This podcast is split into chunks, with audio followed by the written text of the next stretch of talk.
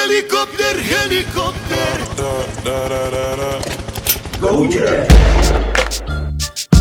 You're listening to the Comfort Podcast on Spotify, hosted by Adil Seuss Fazli Razif Dan Ashraf Osman dan Delarke. Put me on your podcast, bro. Put me on your podcast, show. Put me on your podcast, bro. What Put me you doing? on You your podcast, bro. do it, we will. Put me on your podcast, bro. Put me on your podcast, show. Put me on your podcast, bro. Would you put me on your podcast? Stop, He stop. woo, he woo, because he have to go in front of the traffic. Look what I do. 22 and he do wee woo wee woo. Selamat kembali kepada podcast Common Folks yeah. Selamat kembali dan selamat, selamat pagi So, pada so, kalau, semua ha? Kalau korang dengar yang la, suara tadi tu Kita try-try je lah main-main Ah, Itu daripada TikTok yang kan? Itu Eh, kira every time on mesti kekek. je. Ya ya ya Wiwu wiwu lah eh, kira. 22 wee woo wee woo. Ah, dia bawa, dia bawa kereta pelan Lepas tu dia mengamuk dengan polis Pasal polis ada siren Jadi dia tak tahu saya nak explain Dia cakap wiwu wiwu lah ha, Dia macam sial lah ha, Sebenarnya kita tengah rekod ni kan uh, Waktu siang Pagi Pagi ya Kita rekod pagi kali ni Kenapa kita rekod pagi Pasal kita pasal kita nak try-try lah pagi pula. ah, Ah, Bukan pernah- pasal tu je Ha. lah Sebenarnya ada cerita di sebalik tu apa dia Fas ceritakan. Sebenarnya Apa cerita? Kita dah plan nak rekod hari Jumaat Ah okey. Kan Sekali Ah. Aku yang lupa Oh. ah, Aku akan Jumaat ke hadapan Betul betul ah, Jadi Kau aku kira kau buka aib sendiri ya. Eh, tak ada. Ni pasal okay, aku lah aku nak ke hadapan ni aku nak minta maaf lah. Okay, kita Tak- semua manusia. tak ada hal. Kita faham Nasi lemak mana nasi lemak? Ha. Nasi lemak pun kira- kira paitau juga tau betul. Tak, tak apa Kau masuk app Foodpanda cukup lah Bangun lambat ni hari.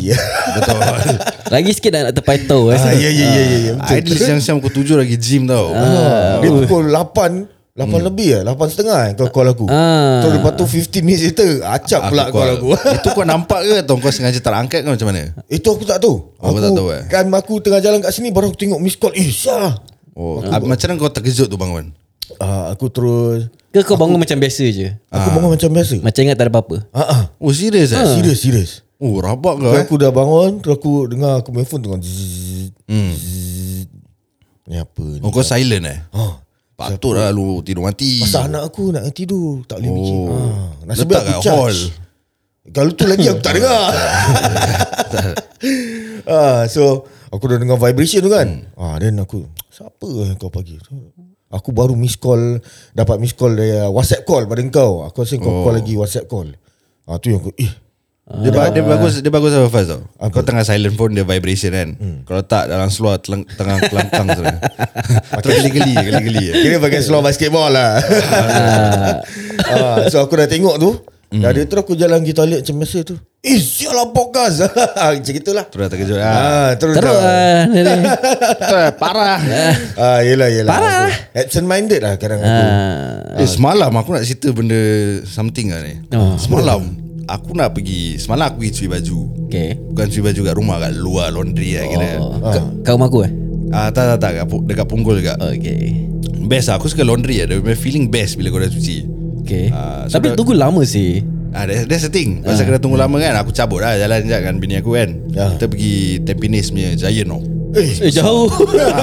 About one hour plus Jul Ah. Terus aku pergi lah Pergi ingat nak beli Apa boleh capai-capai Sekali aku tengok Ramai orang oh.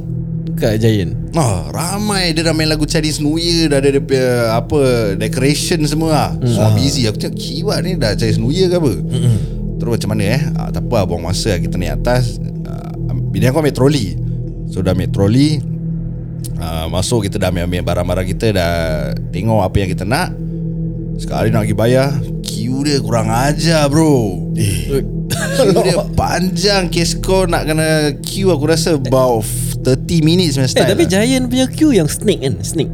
Snake Dia ikut counter ikut yang counter cashier ke dia macam snake queue nanti dia akan tarik Ah. tak, tarik Dia ada like total of like 10 cashier apa ah Oh ya ya ya Lepas okay, Okay, tu okay. 10 okay. cashier Kira satu dah line berderet Berderet Berderet Berderet, berderet. oh pasal de- Ah. Hmm. aku dah lama tak pergi tapi the last time aku pergi is dorang buat snake queue kira Oi, kau Oh tu covid punya time bro Ah, yes, Ah, yes. yeah. Circuit breaker something like that lah. Ah, yeah. Ah, Tapi sekarang dah macam back to normal Okay. Tapi queue dia Aku dah estimate kalau aku nak queue dah 30 minit punya style Ah, Semua yang depan-depan Kes troli penuh barang Ah, kira Eh, macam troli kat Malaysia punya. Oh. okay, okay. Kan ramai. Habis self check out ke tak pergi tengok self check out? Tak ada orang tutup. Oh, alamak. Eh, tapi kalau troli mana boleh pergi self check out? Tak boleh. Tak boleh. Tak boleh, eh? Dia basket, Basket je. Ah. and a certain item maybe 8 10. Oh, Ah, okay, okay, Jadi okay, aku total ada bawa 11 12 item ah. tak banyak. Okay. Jadi uh, bini aku cakap, "Eh, tak payah gini. Aitau ah." Cakap okey lah Jom lah jalan lah Patah belik lah Pergi ambil laundry lah eh Ah. Sekali tengah nak tolak troli tu Aku cakap Okay habis ni macam mana uh, Dia bilang aku cakap Tapi ni one dollar I nak oh, Aku ingat nak paitau troli gitu je Ah. Kira one dollar burn lah Oh. hmm, Macam mana eh One Okay. dollar nak eh. Ah. Alamak. Saving saving Ya, ya, ya. Tak salah video Jadi one dollar tu Aku tengah fikir Ni kalau aku nak patah balik Nak pergi cocok Aku nak kena letak balik Barang tu individual Ah. Sekali aku tengok Eh ni macam troli Macam ada orang abandon je Eh. So maybe aku ingat orang tu Pun tengok queue ramai Ah. Dia nak abandon lah kan Aku tunggu lah like 5 minit Tengok Tengok tengok tengok Eh tak ada orang lah Pergi lah Aku dengan bini aku ambil uh, Barang-barang kita Kita letak dekat troli dia Ah. So troli dia Aku tolak masuk Pasal dia nak kena push apa Ah, Ah, betul. Tolak masuk troli aku yang kosong tu Ah. Aku snap Aku tarik bandola Dekat Ah. tengah-tengah giant tau Terus aku ambil tu Terus aku jalan dua Like aku dah ambil langkah Aku jalan three step gitu Ah. Terus belakang aku dengar Ada budak Cina tu Ya ya ya Ha ya Dia tu mengamuk Terus aku pusing Aku tengok Eh sial lah Ada dua budak Cina kat troli Yang aku dano tu Ah. Terus aku jalan Aku jalan macam Itik ni, jal- Laju ni Aku cakap dengan bini aku "Eh, Jangan jangan jangan jangan, jangan. Ya. Terus aku ingat macam Eh dia ni dia punya ke Atau dia nak join queue eh Pasal aku Ah. buat benda tu Betul-betul belakang queue yang Queue Giant tau Ah. Sekali aku dah jalan Dah nak turun eskalator Sial lah Dia punya troli sial Apa? Budak Cina tu Itu dia punya punya troli troli. ha, Dia punya troli Sial lah. Kira bukan abandon lah Dia suar gini garuk kepala Macam mana eh aku nak tarik ni benda eh Dia kena invest lagi Oh, one dollar. Ah. sial. Isi dia dia kena invest lagi 1 dollar Ataupun dia entah eh Dia, dia tolak sial. dulu lah sial Bastard. Oh, terus aku rasa Insya Ni kerja kira kerja Prank sial Dah lama saya aku tak buat kerja gini Itu kalau ambil video boleh jadi viral tau. Boleh viral Boleh kena Boleh gaduh lah kat sana deal Eh hey bro Why you do my trolley like that ha? Confirm gaduh Dah lah Pasal aku rasa mungkin Nak air raya Cina orang hmm. Tadi ramai lah semalam Semalam bini aku cakap Apa eight Date eight Diorang punya Apa lucky number something like that. Oh, ya ya ya. Ah, So much for the luck ah Dia kena trolley tu Kira suara jacket tahun Eh, ni. Itu Dia- suara, suara tak ada luck saya. Ah, Ah, itu dia dia. dah sway lah Aku rasa dia pun paitau lah lepas tu I, I today I sway lah Wah No more Chinese New Year for me lah Oh, tapi kau percaya ke Heng Sui ni? Tak aku tak percaya lah. Aku pa, Itu untuk diorang lah. ah, untuk orang lah. Ya eh. yeah. Macam For kita us- living in Singapore So we we we have this knowledge lah Where orang gini-gini Multiracial apa Tapi lah. macam pasal Chinese New Year dah nak dekat, Hmm. ah, korang po- kalau nak buat apa-apa buat sekarang. Masuk kau Kira kau macam nak gunting rambut ke, nak apa ke. Oh ya ya Pasal lagi lagi kira 2 weeks before Chinese New Year standby, harga semua meletup. ah. Ya kau pun naik kan Oh, oh lah, ya. Aku dulu pernah pergi tau Sneak Avenue. Sneak Avenue kau tahu murah apa dia punya. Tapi dia gunting macam sial lah Dil Ah pasal dulu sekolah kan mu- murah lah, sekolah, eh. Hmm. Time sekolah ITE. Habis lepas tu terus time Chinese New Year aku nak pergi lah. So aku tak tahu kan. Hmm Daripada harga dia $2 plus. Hmm Pasal nak Chinese New Year jadi $8 plus. Oh 8 dollar plus eh Mahal lah. Mahal Mahal. lah. Mahal. Okay Lepas tu macam eh. Lepas tu kira aku bawa pun cun-cun. Hmm. Pasal aku tahu macam ah, berapa berapa $2 plus ni semua. Hmm Tak jadi lah. So $8 plus. Wah, Rugi lah. tak potong rambut lah. Tak potong lah. Tunggu sampai habis Chinese New Year lah. Wah, Betul. Tapi lepas Chinese New Year ni kita pun akan uh, menyambut Ramadan yang akan datang eh. No. betul. Excited tak? Excited lah of course lah. Excited dah tapi wah. Muka kau macam down je tadi Fas. Apa dia? Ramadan ni. eh, mana ada. Ah, aku tanya je. Tak aku aku terus dah fikir macam eh, Oh, preparation ah, semua, preparation eh. dia betul. So this Ramadan aku rasa will be the first full Ramadan aku dengan bini aku lah. Oh dengan anak kau eh. Ah. Ah dengan anak aku. That's why. So aku tak tahu apa nak expect ni. Terus bila kau cakap tadi aku macam eh It's coming Oh, bro. Ah, that's why. InsyaAllah aku it's tahu, coming. aku tahu it's coming but then wah tadi baru kau cakap it hits me in the Hits face. kan. you, ah. Alamak, eh macam mana ni eh? Bila bila puasa? April lah. Eh? April lah. April, ya. April. Oh, so second lah round Cepat eh. Ah, cepat kira aku ni aku punya first ah, kira Ramadan lah dengan family aku rasa insyaallah. Oh, first eh. Ah, first Ramadan dengan family. Oh. So, Okay. Kita boleh lanjutkan dengan Ah, topik kita eh. Topik kita hari ni adalah nafkah. Oh terus ah. Nafkah Orang tak ada hegi Orang cakap Eh hegi lah homophobe Oh. Yeah betul betul Ah, asyik nak buka nak bunga-bunga nak cerita pasal kau lah siapa nak dengar. Ah, itulah. Suara aku macam Siapa lembut siapa siapa cakap? Siapa cakap? lagi. Tak tahu tak tahu. Ada ada lah Aku- Kira aku marah marah. Assume, Kira, assume. kira nak backing ah backing. lah. Ah, Ijal Boyan agaknya Siul. Siapa yang kiri? Eh. Lagi ah. Ah. Ya rewa. ya ya ya Giri giri Selalu Ah, dengar post ah, members tau tu. Okey lah So kita buka topik pasal pod, apa podcast kita ni uh, Pasal apa Nafkah Nafkah. Ah, Nafkah very sensitive issue lah Okay so Berapa kau kasih Fas? um, Berapa aku kasih tu uh, Aku tak boleh kasih tahu lah Okay ni semua personal lah Asal Zeh boleh share je apa? Personal tak mau Oh, tak boleh. Okey aku share lah. uh, Kau share Kau Okey share aku share about Ah. 5008 lah. Oi. 2008 eh Aku kasih uh, bulan-bulan dalam 10,800 lah. Ah. 10000 eh? Ah, yeah. Tapi Okay There's so ada this uh, Macam notion that People will know That gaji Bini adalah gaji bini Dan gaji kau adalah gaji bini Kira duit duit kau Duit bini juga Ya ke? Ah, so Marah. macam mana korang set a certain amount kasi bini okay yang belin ke tak mengkacau ke ataupun apa pasal aku pernah uh, dengar orang cakap eh kalau laki ni pegang duit hmm. ay, nanti dia pergi joli sana lah, sini lah. sebab tu semua duit nak kena kasi bini Fui. ah, Zaman berapa saya tu ah aku pun fikiran aku gitu? pun tak tahu lah aku pernah dengar lah orang Tengoklah cakap umur dia macam ni. berapa. Ah, tapi macam kalau aku fikirkan balik tak adalah macam Ya. aku tak joli pun Tapi kau Jolly Shandy ya. Eh? Eh, tak itu Ali.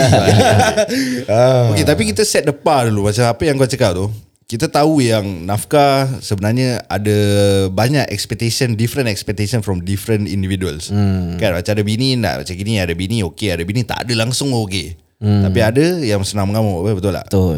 Jadi Aidil, berapa lagi nafkah yang original kau kasih bini?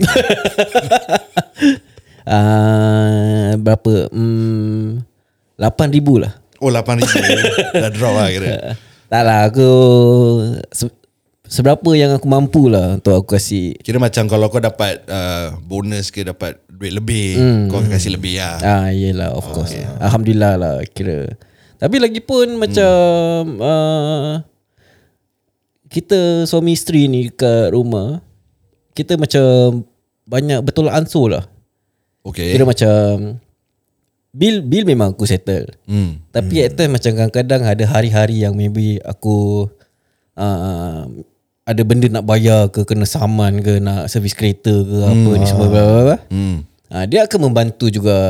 Ah, okay. Okay, okay, so okay. kira macam ada that understanding macam Give and take. eh? give and take lah macam okay, uh, okay you tak ada tolong uh, macam ada benda-benda yang boleh dibantu lah. Jadi uh, siapa CFO? Chief Finance Officer kat rumah yang jaga financial lah. Uh, um, pasal kita dua-dua teruk Oh teruk.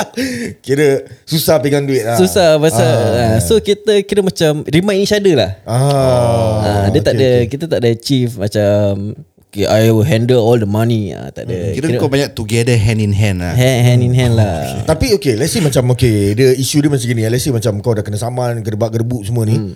Uh, then macam yang duit nafkah yang kau selalu kasih yang fixed amount tu hmm. Kira next month kau akan kasih lebih ke apa? Kira ibarat utang ke ataupun macam itu halal ke apa? Tak lah tak ada Kita tak ada macam ah, Okay hutang aku gini, gini Oh tak tak mengira ah, Tak mengira lah Ah, tapi kalau kalau Hmm. kena aku pula macam aku tak sedar hati. Aku tak boleh lah gini macam aku dah janji let's say bini aku, Hmm. aku kasih a fixed amount. Aku kasi kalau macam let's say kurang okay next month nanti uh, tolak lebih. Okay. Ah, ataupun macam okay kalau the amount is big okay aku I, I pecahkan 3 bulan. Hmm. So that this 3 bulan ah you get this amount this amount this amount aku bilang dia. Ui, style buat pecah tiga bulan, eh? Ah nanti kira yang yang that yang that kurang yang aku kasih tu. So nanti Oh. macam aku aku tak nak apa tu uh, macam short change dia. Aku aku dah Oh, janji tu amount okay, okay, okay. Aku nak kasih juga ah. So aku bilang dia Okay ni ah, Instead of kasih Next month selepuk banyak hmm. Pecahkan extra lah Kira that 3 months Kau dapat extra sikit ah, so, so I think I feel it's better lah Macam itu Hmm. I see, Hmm. I see. So aku tak nak short change Aku Sebab salah Aku sendiri yang sebab salah Jadi kau CFO ke bini kau yang CFO? uh, For now Aku yang dia punya CFO dia So CFO. bills uh, Mana nak tolak apa Mana nak tolak apa So kalau macam Bini aku cakap Okay ni nak kena bayar ni Nanti ada appointment ni semua Nanti aku yang Set side Okay, okay aku tolak this uh, For Zayn punya appointment hmm. uh, Aku buat Aku yang buat lah So structure dia every month Okay, kalau bini kau cakap macam eh, I nak satu bulan ni you kasih Ah. I 800 lah. Pasal I nak bayar ni semua gerbak-gerbuk, I nak shopping. Okay ha, Every month you kena kasi I 800 Tapi at the same time Duit yang you dah kasi I tu Tu duit I je Itu tak termasuk dengan Electric bill Pasar ni semua Kena baru Okay Ah. Boleh Aku boleh Kau boleh kasi lah Aku kasi Eh InsyaAllah InsyaAllah Aku kasi Aku eh kan. Ah, sorry, the best question is nafkah yang korang kasih tu adakah termasuk dengan uh, electricity bill gerbak-gerbu pasar? Ah, atau fresh? Fresh Pasal aku tahu oh, okay. macam um, bapa aku eh bapa aku kalau dia kasi nafkah kat mak aku hmm. uh, dengan masak sekali lah kira dengan makanan lah. Dia masing-masing lah Macam Ah, correct. Hmm. Macam letaklah uh, lelaki ni nak kasi duit nafkah. Hmm. Lepas tu, tu campur dengan duit pasar ni semua berabuk. Kira aku Ah. kira aku skor 800, letak 800 eh.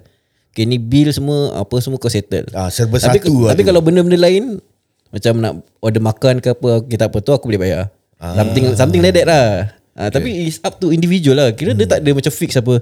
You don't have to macam okay ni uh, letak tak ada rule macam okay ni 200 200. Ah. Ini untuk kau. Ah. Lepas tu okay duit bil la- lain. Oh. Ah, dia tak ada fix apa. Ikut kemampuan lah. Aku Up aku to, pasal ah, up to aku individual ikut lah. this model from my parents. Dia macam bapa aku kasi fixed amount. Hmm. Jadi kalau makan kat luar pun nanti mak aku yang tolak duit. Apa-apa nanti kira oh. ah, kira mak aku financial officer. Ah. Okay, okay, okay. So itu aku memang bab- bab- mak aku very cermat lah dengan duit. Very cermat. Hmm. Ah, so berapa dia kasi tu selalu insyaallah cukup ni. Sampai dah gemuk kena tengok aku. Aku rasa untuk aku punya situation pula. Hmm. Aku very strict in finance kat rumah ni. ah, boleh nampak, boleh nampak aku tahu. Okay. So even bini aku punya gaji pun aku tahu. Ah. Uh, aku akan minta dia duit. Aku yang minta dia duit. Okay. Ah, pasal aku minta dia duit pasal aku akan pump masuk ke dalam savings account. Ah, pasal ini untuk build the foundation of the apa sih Correct. aku bual. Correct lah to, to Kira- build foundation ah, lah. yeah, so- for your retirement probably. Correct. Ah. Jadi kadang-kadang aku terlalu strict Sampai aku tengok bini aku pun kasihan hmm. Like macam Alamak duit macam gini gini Kira aku nak kena Ya nafkah aku kasih kau Aku kasih mesti on solid time ya Tak pernah aku miss Kasih kasih kasih Tapi duit kau Aku minta Jadi dia kopek gaji Aku akan tanya Aku ada like Notes Apa yang kau spend semua Oh Semua detailnya Kalau kau cakap uh, Eh asal duit I short eh Macam gini gini Hari apa? Aku tengok date Pam Eh kau beli ni Beli ni Beli ni Beli ni Beli ni Semua dia kasi Memang boleh diam Ha alamak ha, Kira kau dah overspend hmm. ha, Kira kalau kau nak Kalau dia nak cak- ah, nak duit lebih kan hmm. ha, Nak beli something yang uh, Yang ikut nafsu kau hmm. Kau kena tarik kau punya savings Yang lain Aku ada banyak lain punya savings ha, Itu nanti Aku akan tanya kau Kenapa kau nak beli ni hmm. ha, Kira that level lah Kira dia akan kena soal Kena soal Kena soal Oh, kalau Which- aku aku aku a bit uh, aku very lenient lah. dengan Lenient eh? lah. Ali. Ah, very lenient. lah. Because at the end already Kalau Dah ni masing-masing punya household pun, eh. Masing-masing. Ah, So untuk aku Aku strict lah Aku strict Macam gitu lah Ah, ya. Pasal untuk aku macam gaji bini aku suka tidak aku dia nak buat apa suka hati. Ah, yalah betul lah. Ah, kalau ada orang kalau- gitu. kalau tak cukup aku akan kasi. Ah. Kita just have fun lah eh. Ah, ah, kira betul. macam Tak payah pressure lah ah, pasal pasal lagi balik rumah ada anak ada dua anak. Ah, ya. So Yeah. ah, dia lagi ada anak Syul ah. Ah, so aku pun so, ada. may, so maybe Sorry so so maybe that's the punya therapy. Maybe beli barang Yelah. relieve stress. Aku punya one and a half tau dia tu. Apa? Dia Ya, Aku lah, punya anak ke dah besar dia macam one and a half. Oh, kira nak anak jugalah nak. juga. kasih dia kasih dia. Ah, kasih dia. kasih dia lah. Tak kasih dia adalah aku lah. aku pun flexibility lah macam uh, ideal juga ah. Hmm. Kira macam aku tanya, "Eh, cukup tak?" Ah, tak cukup nanti tolak. Ah, apa-apa je you apa tak cukup cakap. Nanti aku tolak. I see Aku confirm tolak merah. Aku tak akan cakap, "Eh, no, ah, cannot." Ah.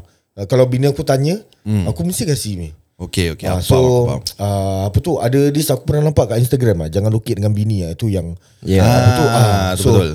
aku dah fikir eh aku dah kasih dia nafkah aku tak ada fikir gitu dulu aku fikir gitu Hmm. aku eh, aku dah kasih kau nafkah kau masih minta lagi so macam aku tak suka that feeling ah so aku just okay lah ah kasih je maybe macam Adil cakap tu dia punya therapy Hmm. ah macam dia jaga stress jaga anak aku kan ah, okay lah mungkin shopping is your therapy okay go ahead lah Hmm. Eh that, that's very deep Apa deep punya sentence Yang kau just cakap Jangan locate dengan bini Pada aku that one Is very important Aku pun baru uh, Bukan recently lah Baru juga belajar Jangan locate dengan bini Which kau kasih lebih Tapi rezeki kau akan tambah Ya. Ah, Tak locate tapi aku disiplin ah, Itu itu je lah Disiplin dalam segitu Pasal uh, Okay kau tengok eh Kalau kau kerja dalam setahun Letaklah contoh gaji kau dapat dalam Dua setengah Gaji kau eh Normal Okay. ah, eh On average 2,500 uh, Dah potong CPF kau balik, bawa balik 2,000 Yeah. Okay Dalam setahun tu 2000 tau hmm. Kali 12 Kau times dah berapa Uh, 24 Kan Hmm. 2024 okay lah Berapa savings kau Compared dengan setahun yang kau dah kerja punya gaji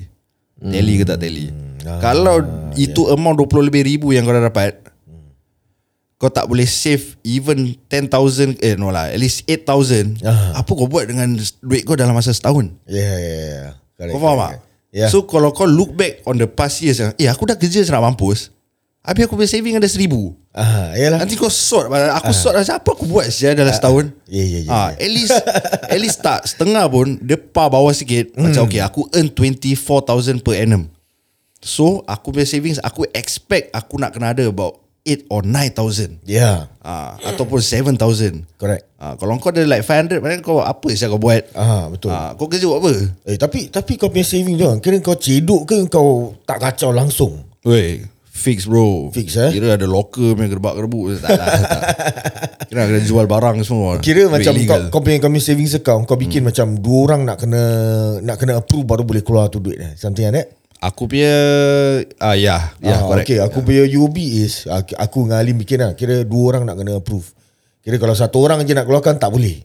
Ah, the lock. lah, Ah, kan. ya, ada lock. So dua orang nak kena ada tanda tangan baru boleh keluarkan. Hmm. Ah. Tapi dekat uh, online Facebook banyak juga cerita yang aku de- nampak uh, banyak banyak banyak kaum perempuan yang banyak komplain tu eh, Eh, pasal ah, ah, besar pula. nafkah.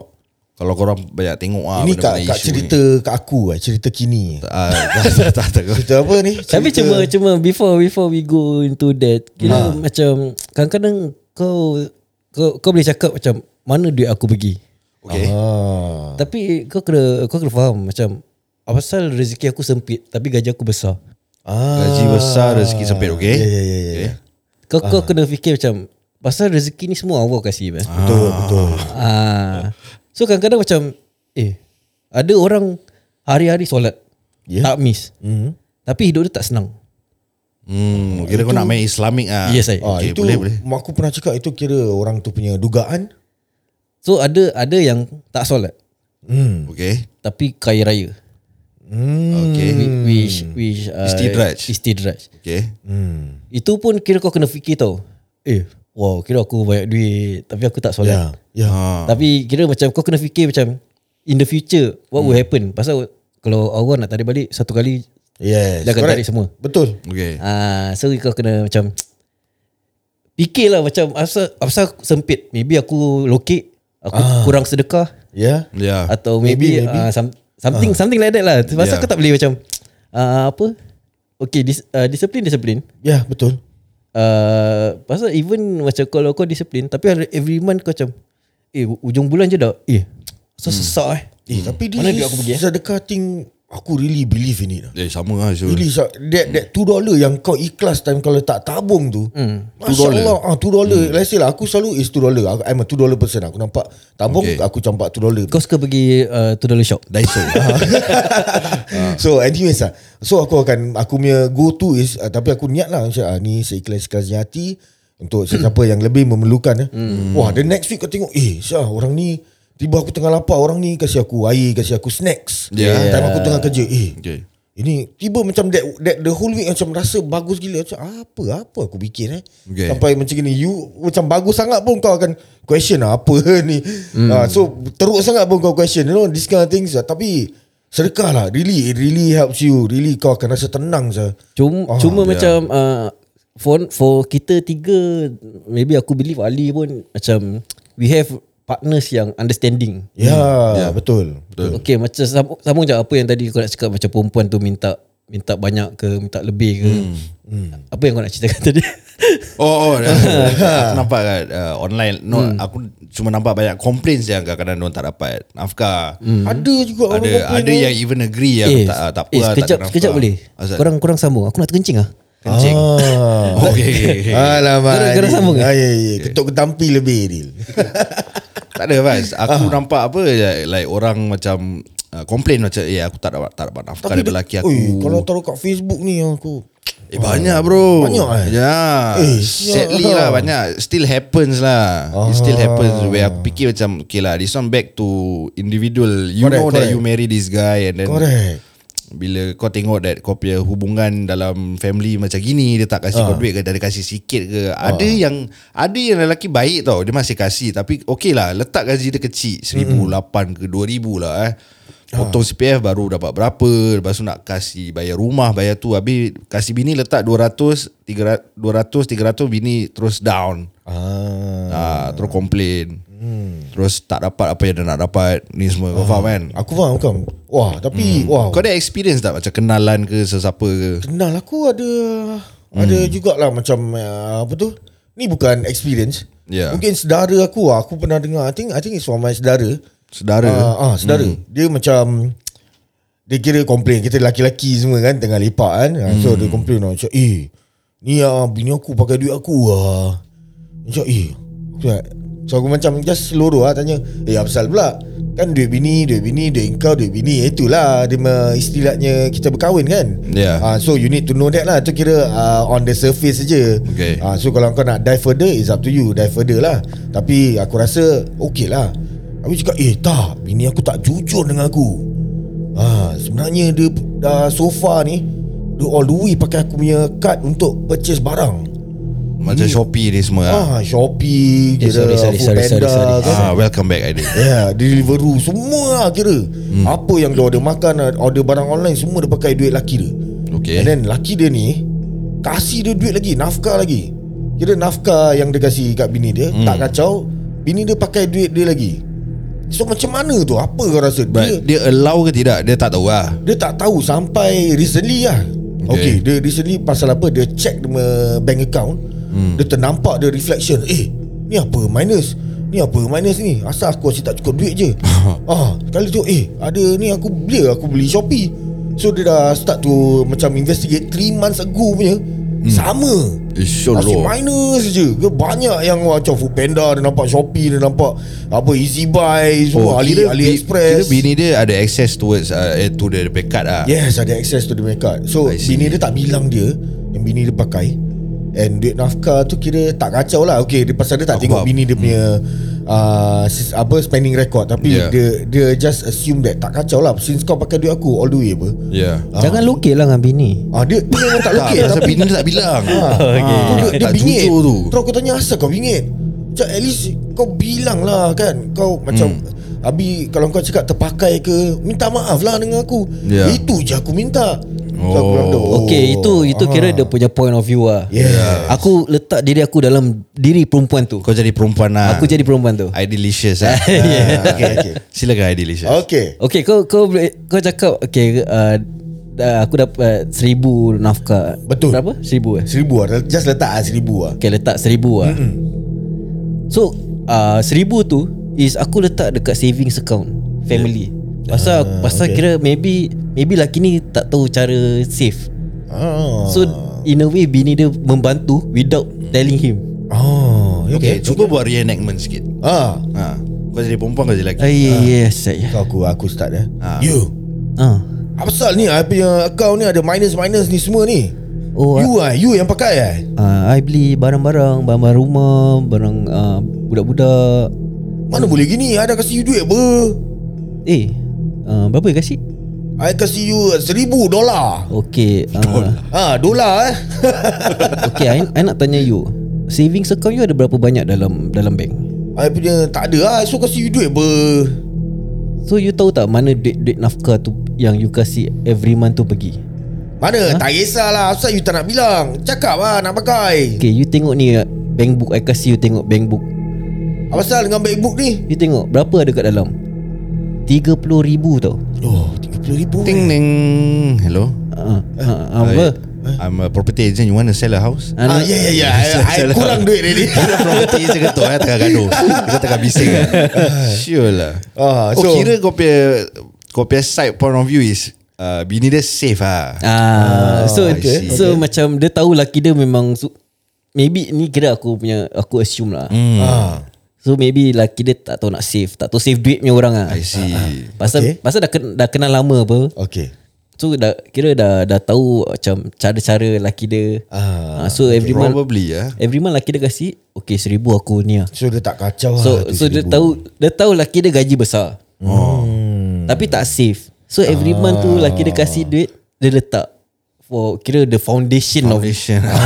of Of the family lah Okey, Okay. okey. Okay, okay so ini eh yang buat datangkan uh, satu lagi soalan ni. Apa dia? Siapa pegang duit lagi bagus? Lelaki atau perempuan? Weh, ini susah cakap bro. Ini ini susah kau Ah, tak boleh, Dia Syah. tak dia tak ada definite answer. Ah, tak, Tak ada. ada definite Dia answer, tengok eh. siapa yang mahir lah. Ah, tapi kau Pasal Pasal aku tak kalau- tahu. Kadang aku rasa aku bagus. Ah. Tapi sebenarnya aku pun macam sama. Tak pasal macam kau, kau, kau tengok kau tengok uh, individual eh. Ah, ah. Ada ada perempuan memang kaki shopping. Suka Hmm. shopping. Yeah. Tapi ada lelaki pun suka shopping. Ah. Yeah. Aku tak suka shopping. Aku suka Eh, Ya. bodoh kau. tak, ah, serius aku, aku tak suka. Tak Habis suka. kau, apa kau buang dengan hidup kau? Aku aku sejak aku kenal bini aku baru aku tahu apa tu arti shopping. Like, Like baju, kasut, Nike kau, kau tak beli? aku tak beli. Aku kira macam okay nampak ni satu okay aku dah aim, aku save duit, aku beli tu satu dah. Oh. Kira terus aku tak tengok benda lain dah. Itu je kau capai dah. Aku oh. kira lurus lah straight je aku nak itu okay. Ni berapa harga aku tengok apa Let's say 249 eh. Hmm. Aku save 249 Next month okay, Aku capai Aku dah tak tengok benda lain ni Oh, oh. patut aku rambut panjang. Kira macam Aku tak ada link. tak boleh tak gunting rambut. Kira aku gitu lah Macam uh, let's say Macam tayar eh. Aku Hmm. nak beli tayar motor aku Ah. Cuk Eh ni kedai Aku akan bikin ni lah Ni kedai 170 Oh, okay, aku Habis faham. Hmm. ni kedai 200 plus So aku tengok Okay ni mungkin dia punya Macam ni pada Indonesia Ni pada Europe Okay. Oh. So mana satu kau akan beli Ah, Aku akan aku akan tetap go for the cheaper option je Sebab aku nak ni juga Pasal Ah, pasal ya tu. macam cara cara may- maybe cara fast macam dia tak kisah sangat macam parents dia dia don't really care. Okay. Ah. Macam ada orang macam aku aku aku care aku punya parents hmm. what what I wear how I, how I kira macam mana aku nak keluar aku nak pakai apa ah Eh, tu semua aku aku really take Ya. take in consideration Dia even gym, anak dia gym je kasut Vans. ah. Oi. even macam anak-anak aku nak keluar okay aku, pasal ah, so aku macam aku tahu apa orang nak pakai Ah, Ah, maybe kadang-kadang yang yang second ni dia akan choose baju sendiri. okay. Hmm. Ah, tapi pun dia eh, macam dia tahu macam okay nak keluar pakai kasut. Ah, Ah, that kind that kind Aku of macam things lah. beli-beli barang ni Aku just uh, Aku tolak pada bini aku lah. Oh. Even aku punya headphone ni Bini aku yang belikan Eh. oh. Ya, yeah, yeah. Kira aku Aku tak ah, Aku dah aku, I, I nak ni Okay tapi uh, Say next month lah ah. So dia dah, dia dah tahu aku oh. nak, nak aim ni je kan Dia belikan aku I see. Jadi Ah, so- balik kepada soalan kau tadi. Ah. Pada aku ini back to individual mana yang lebih pro de- dengan the, the, apa the formula works for the savings ke atau finance kan. Hmm. And that person handle lah whether it guy or g- uh, lady. oh, Tapi kau ada dengar macam Orang cakap Eh perempuan ni boros lah Eh laki ni Itu zaman bapak kita Oh, eh? Zaman Syul. bapak kita Ah, ha, Itu aku 80-an. dengar banyak lah Kes, Ya. yeah. kes mak aku ada cakap dengan aku juga oh, aha, Mak aku ada macam Eh ni eh kau kau kasi perempuan yang kita tengok macam mama ni kau dah, kau cari orang macam mama. Ah pandai jaga duit. Oh. Oh. Macam tu. Ah, mak aku suruh macam tu. Aku bilang suka ah Lily nak suka mana. Betul lah, Kita Lily. terpulang ah kan. Yelah, Betul lah. Lily. Yelah Lily, betul lah. Lily Pasal Master lah. eh, pasal ni Eh, kan. Ah. Lily yang saudara lama. Aku punya kawan kerja pun panggil aku Lily, Lily. Oh serius lah Lily Serius, serius. Tapi kena Lily ni dengan muka kau Melekat eh. Ya ke eh? Ya Sure lah kan Ya Uh, cuma ke advice aku untuk pasangan-pasangan di luar sana lah. Kira tak kira tak kira lah suami ke isteri. Ah. Hmm Sikap sikap betul lah ansur ni patut ada dalam diri korang semua. Yes aku rasa end already Apa kau cakap ni Memang betul lah uh, It feels that uh, Kalau kau tak boleh Kalau satu dua-dua api lah Mesti tak akan habis punya hmm. uh, Satu nak Eh. jadi air Oh aku aku ada satu uh, bukan bukan aku. Hmm. Aku pernah terdengar cerita ni Okay. daripada seseorang. Hmm. Teruskan Kira member aku punya member lah. Teruskan Uh, dia bini dia Hmm. uh, high end. Ah. Eh, Fui High end. Okay, high end tak apa. Okay So ga- laki dia gaji pun tak seberapa lah Macam normal 3,000 3,000 lebih Oh, average lah, okay. Average lah Okay So bini dia eh, uh, Macam kalau nak benda-benda bag Macam letak bag LV Dia kalau nak Hari tu hari tu juga dia nak Eh sure LV hari ni hari ni eh. Kira kalau macam jalan-jalan eh, eh macam lawa Kira kira macam kau tengah window shop Lepas tu uh, nampak uh. Dia nak Dia nak tu tu Time tu time tu juga Eh, Kira LV Aku ni nak mesti aku nak ah. Ah, okay. Kalau nak beli LV Kira it it requires planning tau Pada aku Okay Okay Teruskan okay. Uh, So kira macam tak Kalau tak dapat Pasal laki dia average tau Okay Da- Gaji average Macam-macam Normal macam kita-kita ni semua Ah. So kalau macam nak Something mahal Nak kena save up Yeah Ah. Letak uh. back tu 2000 Ya ya. Mahal ya ya. Syul. ya. Betul. Kau takkan ada Kau takkan jalan-jalan dengan Letak kalau tak- uh, Kau tak ada saving Tak ada apa ni sebenarnya Kau Ah. harapkan gaji bula- bulanan Betul.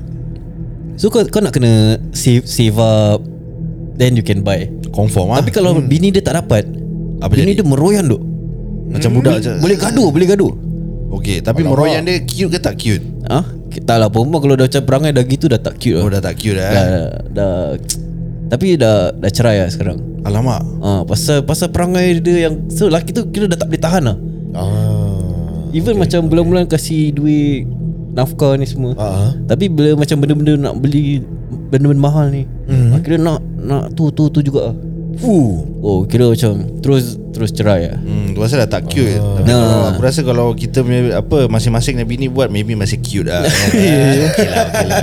yelah, Pasal kita tahu Dia tak selalu minta apa Hmm, Ah, yes, correct. Macam Betul, Kalau betul. Aidil cakap ni Selalu Kira Eh Ah. parah sya. Ah, kira kalau selalu Kalau one month once Kira masih still okay kira hmm. Eh one man once pun tak okay sure oh, tak kalau, boleh Kalau, share kalau LV lah kan One year once One birthday year once lah. ah, ya, ya, Ah, ya, ya. Anniversary Ah. ke kan Ah, Macam this brandednya benda So one year once kind of thing lah Correct ber Bukannya lelaki hari-hari minta PS5 ke Nak beli Bawa, bawa, bawa PS5 kau nak Hmm, Ah, yelah.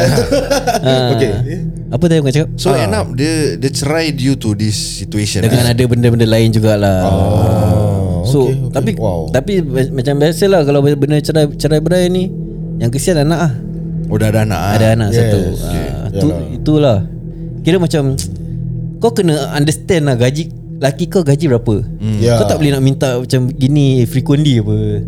Hmm, Betul betul Aku rasa FOMO Tak FOMO Peer pressure mm. Tak peer pre- Jangan bedek lah Cakap hobi Apa, apa Hmm. Betul, ke, betul. Lancut kau berbual lah. Ni Atau mesti- macam mem uh, meet up dengan member-member, lepas tu member tunjuk. dah tengok bag macam branded dia pun nak Ah, confirm ah. Orang nak rumah besar Dia nak rumah besar Orang nak kereta besar Dia nak kereta besar That's why Eh rabak oh hidup itu Ah. Rabak ah. Kau forever kau nak catch up oh. Kau will never catch up Pasal kalau kau rasa kau bayar duit Ada orang lagi bayar duit Betul Ah, You Betul never betul. catch up. Betul Macam kau Ya. Susah Kalau kau sial. ingat uh, Sultan Brunei tu kaya Ada yang lagi kaya dari dia Ya ada Ah. Paling kaya Siapa? Allah tu maha kaya Betul Ah, betul. Aku pun nak cakap Elon Musk Tapi Elon Musk orang kalah tu Ah, betul betul betul. Tapi cuma macam Macam kita gini Kita share-share It's a, it's a good sharing Macam okay Kau tahu macam Eh maybe aku boleh ambil Apa Acap punya cara sikit Ah, ya. Maybe I fast punya cara sikit Ah, ah, betul. Ah, Then from there Kita boleh build a, a, big, a better Foundation lah Foundation Betul. Ah, so kalau kalau korang pun ada macam cara-cara korang punya how you manage your financial eh. Yeah. Boleh DM kita lah. Ah, mana tahu boleh tolong kita, boleh tolong orang, kita boleh share dengan orang lain ah. Yeah, Ya, But disclaimer We are not experts lah We are not Yeah, experts Ya, of course lah. we're Ah, not kira experts, is, it's just is sharing. our own our own experience lah yang kita Betul. share ni semua. Ah. Betul. Ah. Yeah man Huh. So Okay Bagus punya sharing session tadi ya. So kita akan kembali kepada The next episode So kita akan take break Terima kasih Dan jumpa lagi Bye bye. Bye Helicopter, helicopter. Da, da, da, da. Go, Jack.